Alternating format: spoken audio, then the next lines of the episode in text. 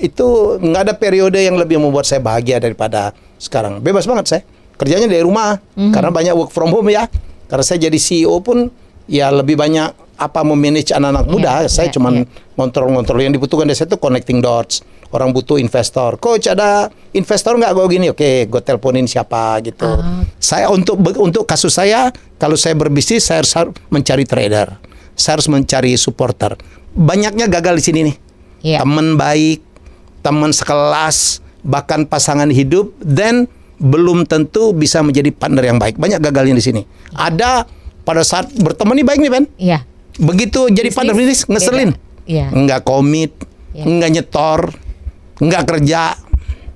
Perusahaan nggak jadi, pertemanan pun bisa bubar Bisa, ya. Iya. Sama kayak yang saudara kita ngutang kan. saudara hilang, utangnya nggak balik. Brava Radio, the smoothest sound on radio. Brava listeners, Anda masih bisa mendengarkan Brava Radio pastinya melalui streaming di bravaradio.com slash streaming, kemudian di aplikasi Brava Radio dan juga video.com. Di pagi hari ini, Brava listeners, di The Captain, saya kehadiran eh, seorang tamu yang spesial yang saya rasa tanpa saya perlu perkenalkan lagi, Anda pasti sudah tahu, Mas Helmi Yahya. Hai fan. Apa Thank you, kabar ya. Mas? Baik banget. Baik Gue yang banget. nanya lu apa kabar? Menghilang ya. Ribuan purnama tidak Iya, bertemu. Betul, betul, betul. Tapi nama Mas Helmi Yahya ini ya, eh, sepertinya tuh selalu menggaung di mana-mana, ya kan? Zamannya kuis sampai sekarang youtuber juga dan Ya. juga baru merilis satu buah buku ya Mas Yes, ya. ya. Luar biasa. Pokoknya kalau Mas Helmi Yahya nih kayaknya energinya nggak habis-habis ya Mas ya. Iya lah, jangan sampai habis juga lah.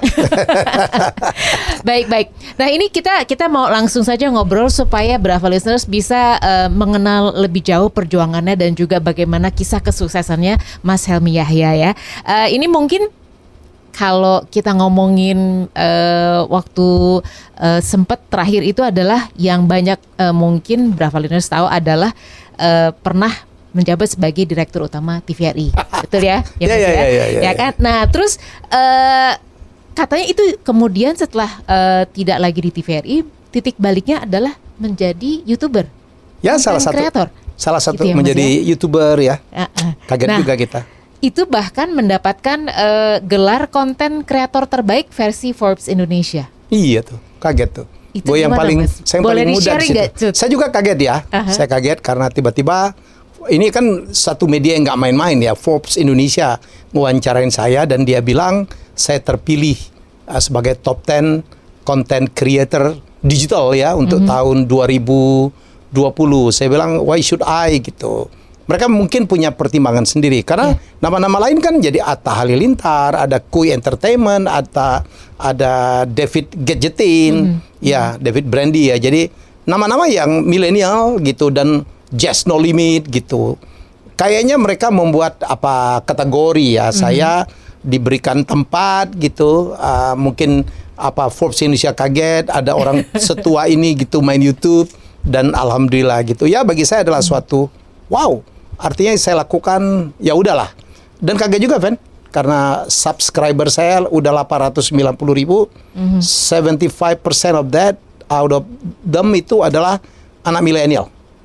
Oh jadi eh, benar-benar orang-orang yang istilahnya waktu zamannya Mas Helmi menjadi eh, apa eh, pembawa acara kuis dan mereka nggak tahu mereka ya. nggak tahu mereka gitu nggak kan? tahu mereka nggak tahu itu ya itu yang Iya, mengagetkan saya pikir saya akan didengarkan oleh orang seumur saya nih Mhm. ya ternyata enggak tuh tapi mungkin satu karena memang orang seumur saya jarang yang bermedsos Oke. jarang main YouTube nomor dua memang mungkin yang saya sampaikan itu adalah sesuatu yang dibutuhkan oleh para millennials. Mhm. Saya ngomong tentang tips bisnis, saya ngomong tentang motivasi. Sekarang kan saya TikTok nih.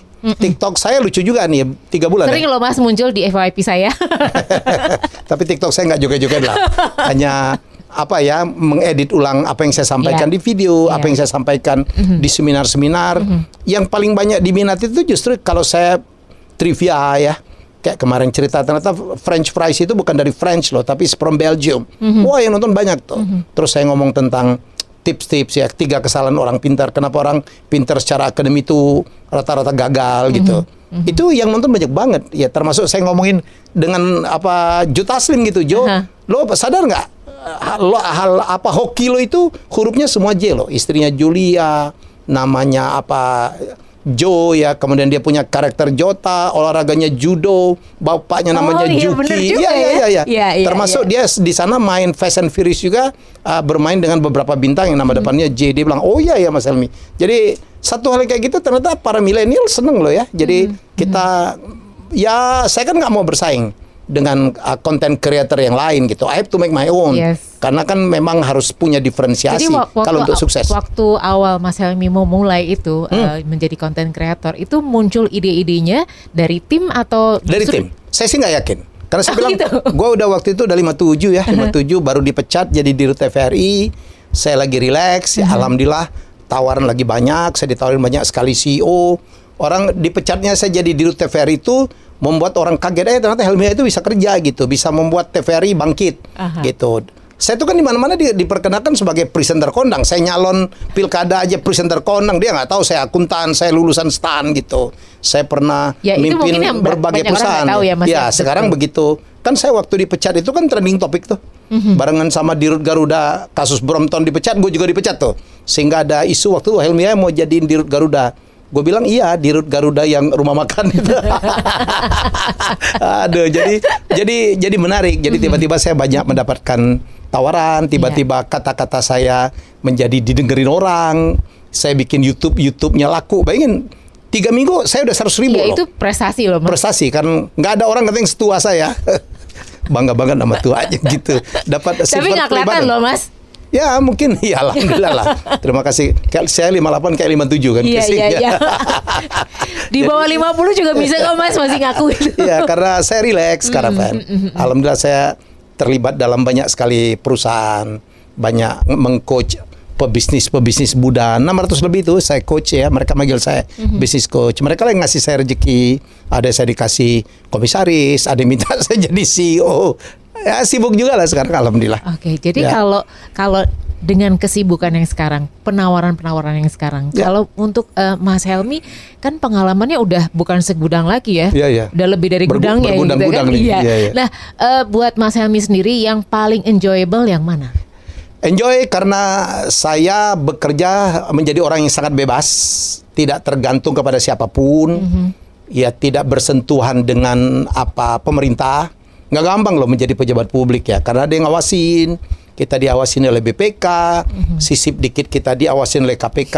Ya, jadi saya merasa bebas banget, ah, boleh ngapain aja gitu. Tapi I know how to control gitu ya. Sebagai youtuber saya bukan youtuber yang asal gitu Iya. yang merugikan orang, memfitnah orang, ngeprank ngeprank. Beda lah, kualitasnya Mas Helmi beda, Ya, beda, iya. Dan saya banyak diminta orang untuk sharing.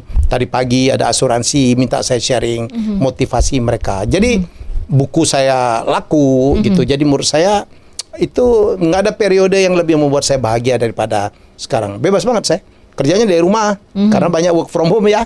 Karena saya jadi CEO pun ya lebih banyak apa memanage anak-anak muda. Iya, saya iya, cuman iya. ngontrol-ngontrol yang dibutuhkan dari saya itu connecting dots.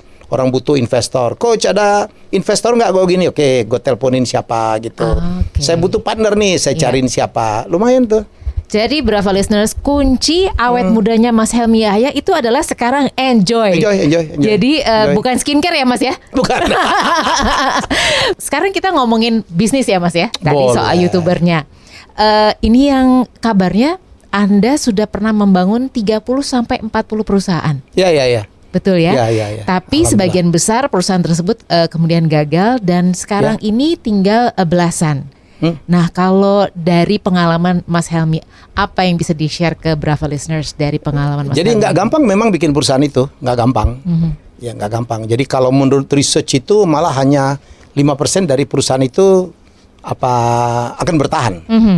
Saya masih beruntung, Pen. Masih beruntung derajat kegagalan itu masih nggak sebesar itu ya sampai 90%. Sekarang makin ke sini makin makin kecil derajat kegagalan karena kita udah tahu lah ya. Kan saya pernah menulis buku juga dalam buku saya bisnis startup primbon bahwa kegagalan dalam bisnis itu kegagalan paling besar itu ke- kegagalan memilih partner.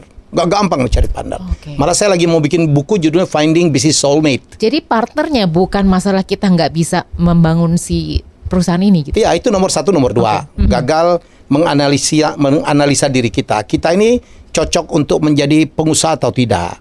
Dalam dan itu ada ada karakter ya, ada karakter. Manusia itu punya karakter. Karakter itu kalau dari apa Jo, apa Roger Hamilton dia bilang bahwa manusia itu profil bisnisnya ada delapan.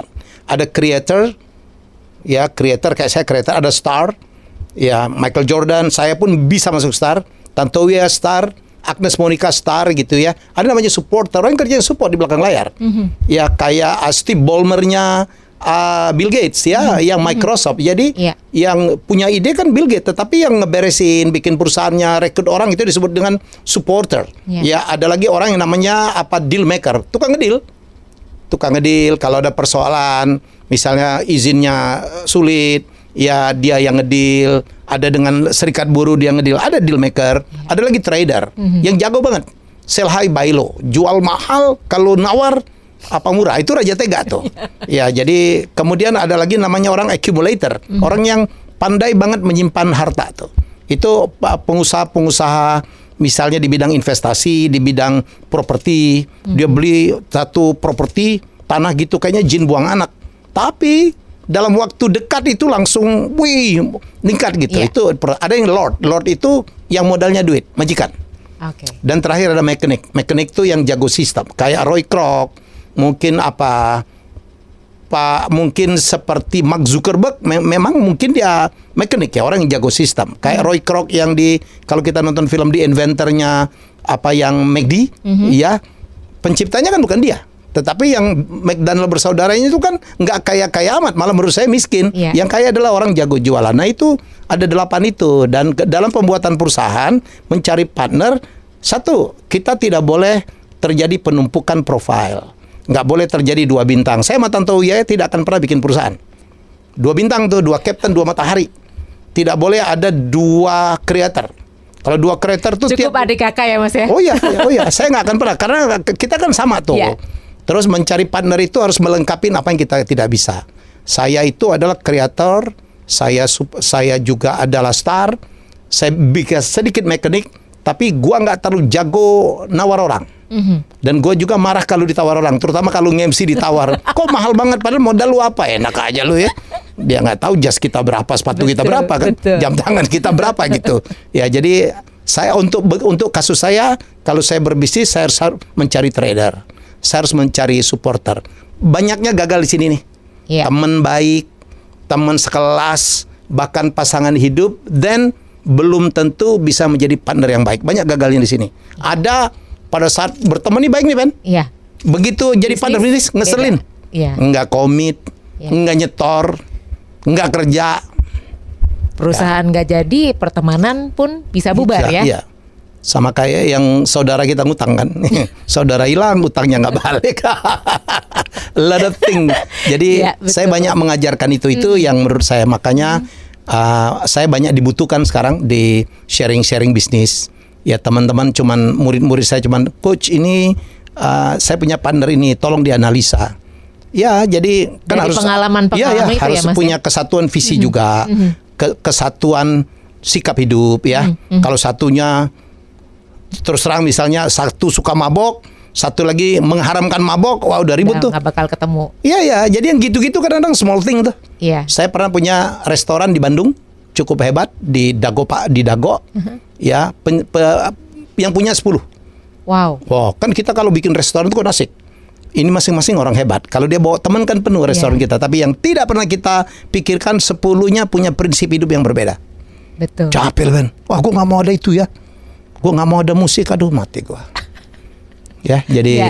yang yang begitu-begitu. Jadi itu salah satu kuncinya yang harus di- bisa ditemukan Betul, dan betul. bisa Betul. jalannya bisa panjang gitu ya bisa ya, panjang. Apalagi ya. sekarang kan zamannya kolaborasi. Iya. Zamannya kolaborasi. Kalau kita bikin apalagi startup ya, kita ada CEO gitu. Orang kalau nyarikan saya banyak sekali memberikan ceramah tentang uh, bagaimana me- membuat deck yang baik, bagaimana melakukan pitching. Apa yang diperhitungkan oleh investor sebelum ah gua masuk, ah gua enggak. Selain ide yang harus game changing yang nomor dua itu support timnya siapa? Ya. Yang akan ngejalanin ini siapa? Ide yang hebat itu 15%. Ya. Yang lebih hebat itu diperlukan adalah eksekusi. Yang mengeksekusi siapa? Masa cuma satu orang? Ya CEO doang nggak bisa, harus ada CTO, Betul. harus ada CFO. Gitu. Kalau eh, kalau ini Mas selama pandemi ini Hmm.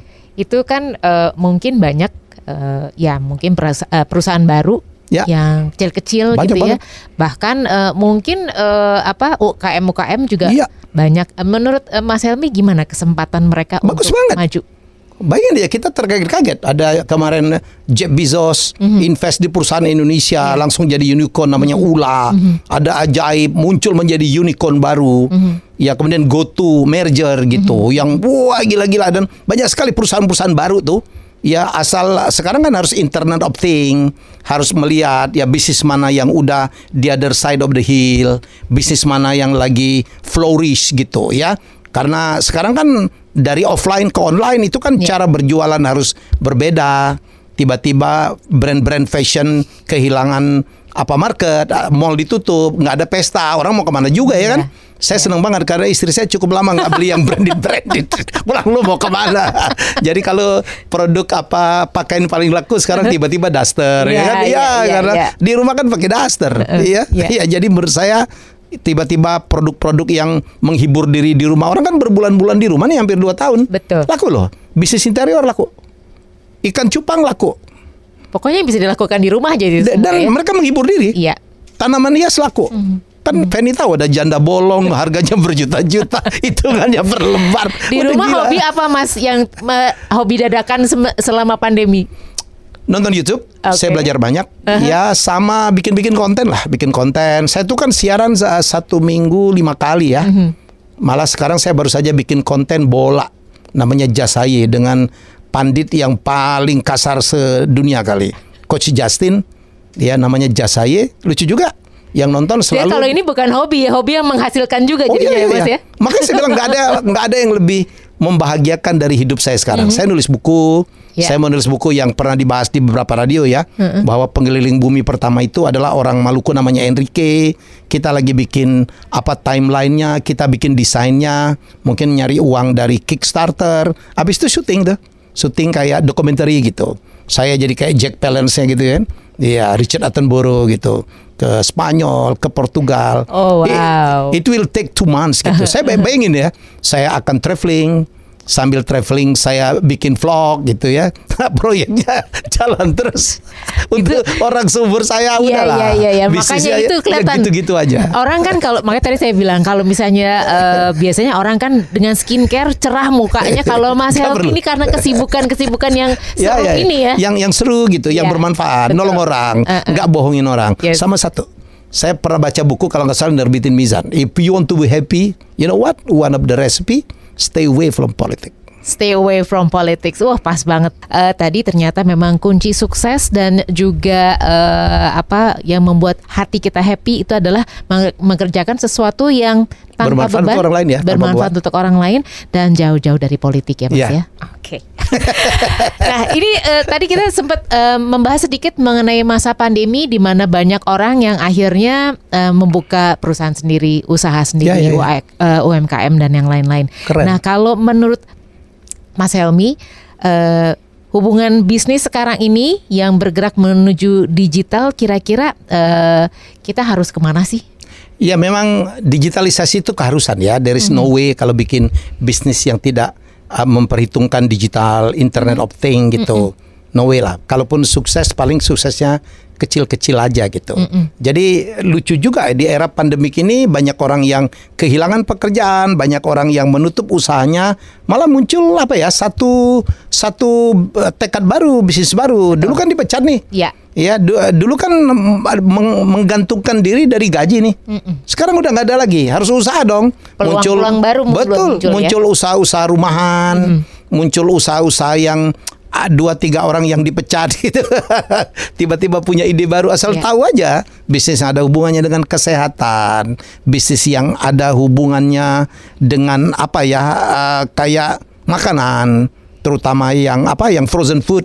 Ada murid saya nanti minggu depan saya akan wawancarain, dia bisnis dimsum. Oh. Kamu tahu ah, omsetnya berapa? 9 miliar sebulan. 9 M Yes. satu bulan? Dan dia mulai itu berapa tahun? Indonesia atau Ya dia punya reseller banyak banget. Oh, oke.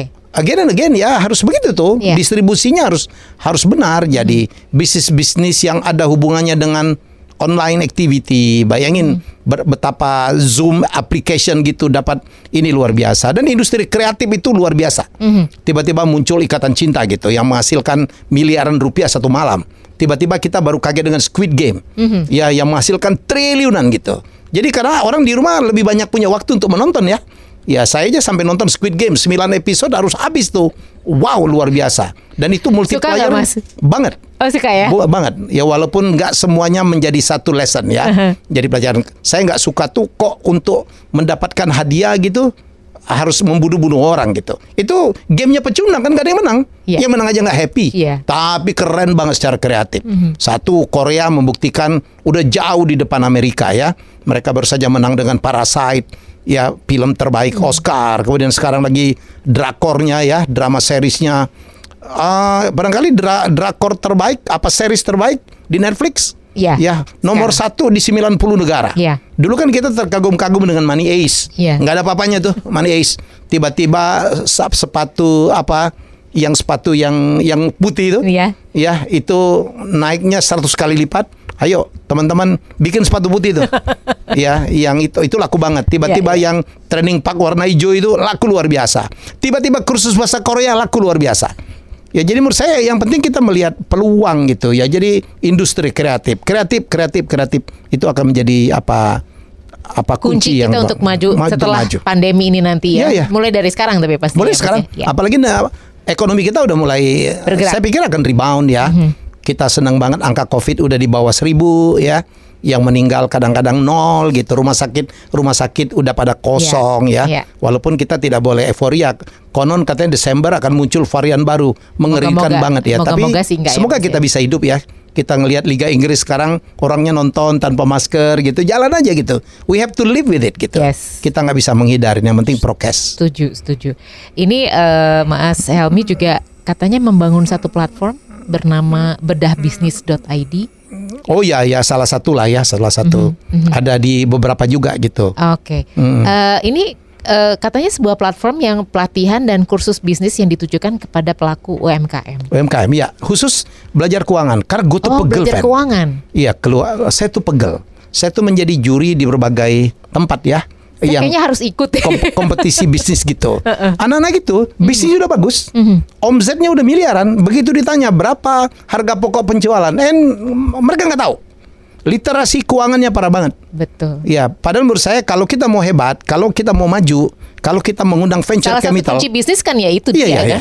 Loh, kalau lu nggak bisa ngitung, Iya. lu nggak tahu apakah untung apakah rugi. Lu nggak tahu apakah kalau ditawar itu masih ada cuan apa enggak. Nah ini yang banyak nih. Sekarang anak-anak muda startup itu idenya keren-keren, digitalnya keren, marketingnya jago, ya. Begitu valuasi udah masalah keuangan tuh. Ya. Ya, jadi supaya tidak dirugikan untuk ke depan gitu harus memahamin literasi keuangan. Oke, baik. Mas Helmi Yahya yang eh, baru saja sekitar dua bulan lalu menerbitkan sebuah buku yang berjudul Breaking Dua. the Wall. Boleh ceritain Mas, kenapa Jadi ini- bikin buku ini dan apa isinya? Isinya sih sebenarnya pengalaman saya mentransformasi TVRI.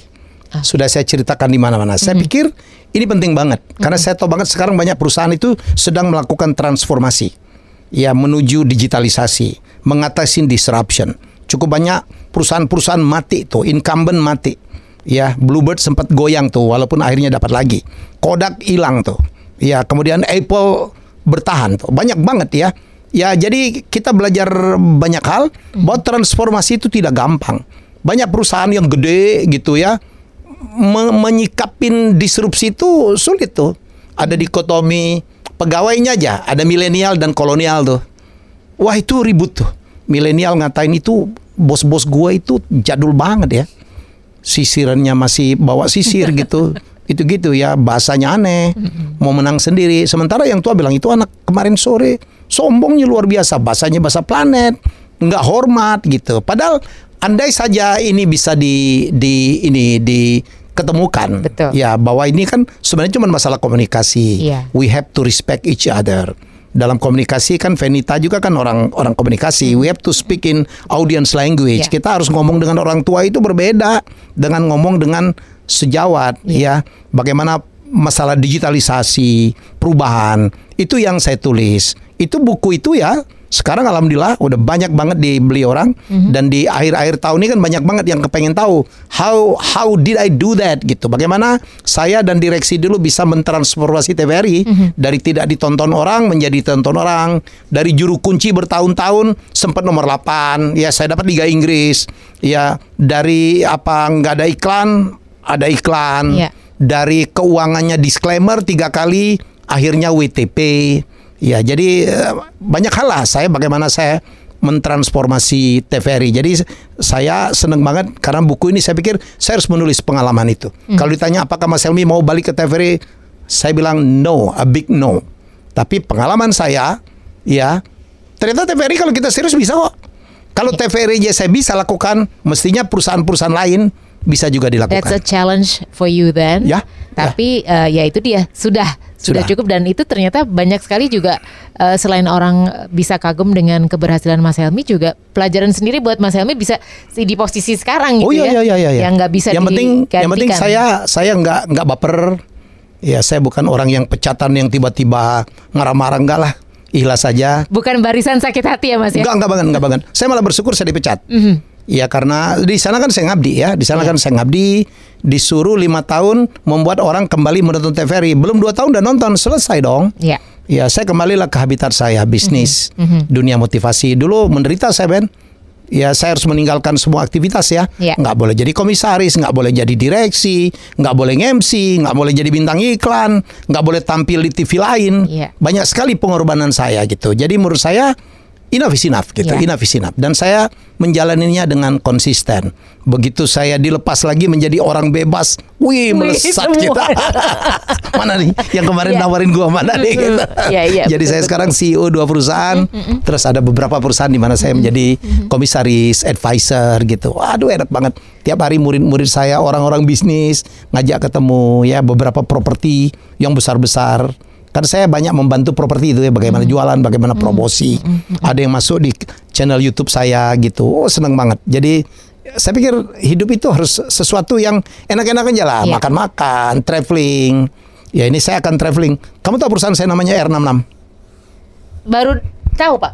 Yeah, that's Road 66. Oh. The founder, gitu. ya kita mungkin kalau nggak akhir tahun ini, kalau nggak pertengahan tahun depan, Uh-uh. kita akan travel from Chicago to LA. Oh. ya, ada Road oke. 66 itu USA USA highway pertama tuh. Iya. Ya, jadi finishnya di LA tetapi untuk kepentingan film finishnya itu di Santa Monica. Oke. If you go to the pier, ya Santa Monica itu ada ditulis ini adalah the end of Road 66 itu untuk kepentingan film. Oke. Di belakangnya ada Bubagam yang punya Forrest Gump. Waduh, kita udah mesen tuh, Fen. Oh, Jalan. gitu. Saya Wow. traveling berdua sama istri That's how saya. you enjoy life ya Very ya. enjoy. Dan saya bikin vlog. Aha. Saya dari Chicago, di situ ada ada Al Capone. Rutenya tuh ada tuh, nanti makannya di mana, ya kan?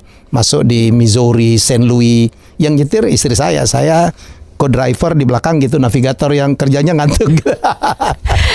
Mas Helmi, untuk eh, pendengar, untuk Brava listeners, tadi kan sudah di-sharing kira-kira apa saja sih yang harus kita lakukan minimal kalau kita mau membuka bisnis sendiri. ya, Nah, tapi saya pengen garis bawahin sekarang justru juga how to enjoy your life. yes, that's penting. Itu kira-kira gimana Mas menuju ke sananya? Karena kan kita mungkin pada saat sekarang Brava listeners masih memikirkan how to succeed. Ya, Tapi setelah kita mencapai sukses itu kan nggak cukup hanya sukses kan Mas? ya, ya. ya. Saya orang yang apa work hard, play hard ya. Mhm. Dan kalau bisa berbuatlah kebajikan. Jangan membuat bisnis yang membohongin orang lain, yang membuat orang menderita gitu. Karena nggak bagus. Ya, Dari ya. pelajaran saya di TVRI, saya dapat lagi satu kalimat that's very powerful. If you do good, you'll get good. If you do bad, you'll get bad. Trust me. Oke. Kalau kita berbuat kebajikan, kita akan dibalas dengan kebaikan-kebaikan yang luar biasa. Begitu juga sebaliknya. Karma itu datang bisa lebih cepat, nggak nunggu mati tuh. Ya so berbuatlah kebaikan, insya Allah. Jadi keberuntungan itu cukup dengan cara berbuat baik. Trust me. Kalau belum datang, it's just a matter of time. Oke, jadi uang bukan segalanya ya Mas? Oh ya? iya iya iya ya. Kan kelihatan dalam film Squid Game. Orang yang eh, miskin banget Balik lagi punya utang banyak sama orang yang kaya banget. Saking Iya. kayanya tuh kan yang oil nam itu Iya. dia beli apa pun udah gak nyaman tuh. Orang lain kan beli Datar Ferrari. aja buat iya, hidupnya datar aja. iya. Hidup duitnya udah kebanyakan. Kalau kita ada yang beli Ferrari udah dipamer-pamerin gitu kan. Bila perlu subuh-subuh udah dibunyi ngong sampai tetangga-tetangga biar orang lihat.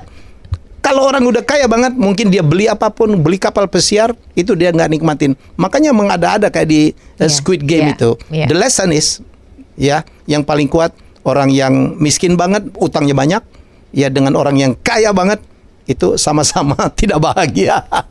Mari kita bahagia. Baik, baik. Eh, terakhir mungkin eh, apa untuk Brava listeners ada lagi mungkin dari eh, Mas Helmi yang mau disampaikan apakah misalnya wajib nonton eh, YouTube-nya atau membeli bukunya atau yang lain-lain? Ya kalau mau belajar, ya kalau belajar banyak hal gitu. Saya sekarang sharing. Dulu saya banyak podcast ya. Sekarang saya banyak podcast. Saya ada podcast semuanya. Gofar Hilman, Mardigu, Raffi Ahmad. Saya sekarang lebih banyak monolog tuh memberikan apa advice-advice kehidupan. Tadi pagi saya ngomong ah, kita harus memang masuk jurang. Kita harus memang masuk lembah so we can appreciate the hill. Oh, Ya, jadi jadi untuk yang sekarang lagi terkapar, masuk ke kolong ke bawah gitu, ya jadi nggak apa-apa karena nanti kalau kita suatu saat kita bangkit and we will appreciate pelajaran untuk bersyukur. Saya pernah bikin konten yang keren banget dan banyak sekali di repost ke mana-mana. Orang sukses tidak santai, orang santai tidak sukses. Oke. Ya, jadi yang kayak kayak gitu mereka suka tuh. Jadi ya silakan ikutin di Helmi Aya Bicara.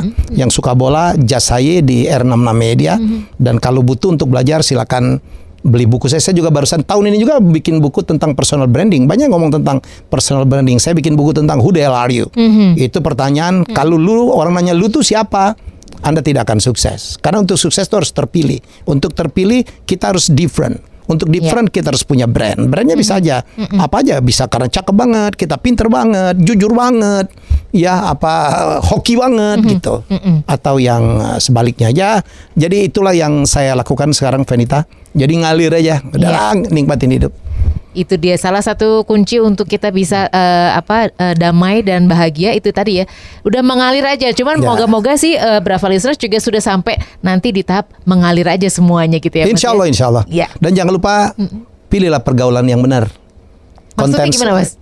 Konten saya mengatakan the bird of the same feather flock together. Burung yang sama akan hinggap di dahan yang sama. Oh ya tadi mengenai eh, kalau mau sukses harus gaulnya sama orang, Orang sukses, sukses, ya. jangan kebalikan. Jangan bergaul dengan loser. Jangan bergaul dengan bergaul dengan teman yang toksik. Teman toksik tuh suka ngeluh, suka nikam dari belakang, suka bohong, enggak komit, suka terlambat. Saya udah bikin konten tuh, ada 9 ciri-ciri toksik tuh. Ya. Jadi jangan bergaul dengan teman-teman yang toksik. Ya, kalau ada teman yang toksik, eh, jauhin pelan-pelan. Ya, kalau Anda mau sukses, bergaul Tiba-tiba dengan orang sukses. dari grup. ya bisa aja. Asal jangan leave grup yang penting nggak nggak aktif aja gitu kan atau di arsip gitu kan kelar lah. Iya, ini kok iya. nggak ini gitu. Jadi menurut saya waktu ke life is short, hidup kita pendek banget. Jadi Mm-hmm. mari memilih teman yang bisa mendukung kesuksesan kita. Ini memang dinyatakan gitu. Kalau kita bergaul dengan tukang parfum ikut wangi. Kalau kita bergaul dengan tukang kambing ikut bau kambing kita. Iya. Jadi betapa ya kita itu adalah representasi dari teman-teman kita. Mm-hmm. Kalau kita ngelihat apakah kita sukses, kita lihat teman-teman kita Sukses udah sukses semua apa enggak? Ya, jadi itu penting. Baik. Eh, saya rasa untuk Anda Brava listeners sudah banyak sekali eh, masukan-masukan yang bisa Anda ingat-ingat lagi ya kan. Ya. Jangan lupa kalau udah eh, ngobrol sama Mas Helmi itu pasti kita dapetin ilmu-ilmu eh, baru, selalu belajar sesuatu yang baru ya kan. Tapi juga jangan lupa menikmati hidup. Nah, Brava listeners, eh, itu tadi ngobrol-ngobrol saya bersama you, Mas Venita. Helmi Yahya di The Captain. Semoga bermanfaat untuk Anda dan Anda jangan ke mana-mana karena saya masih akan terus bersama Anda di Good Day Jakarta.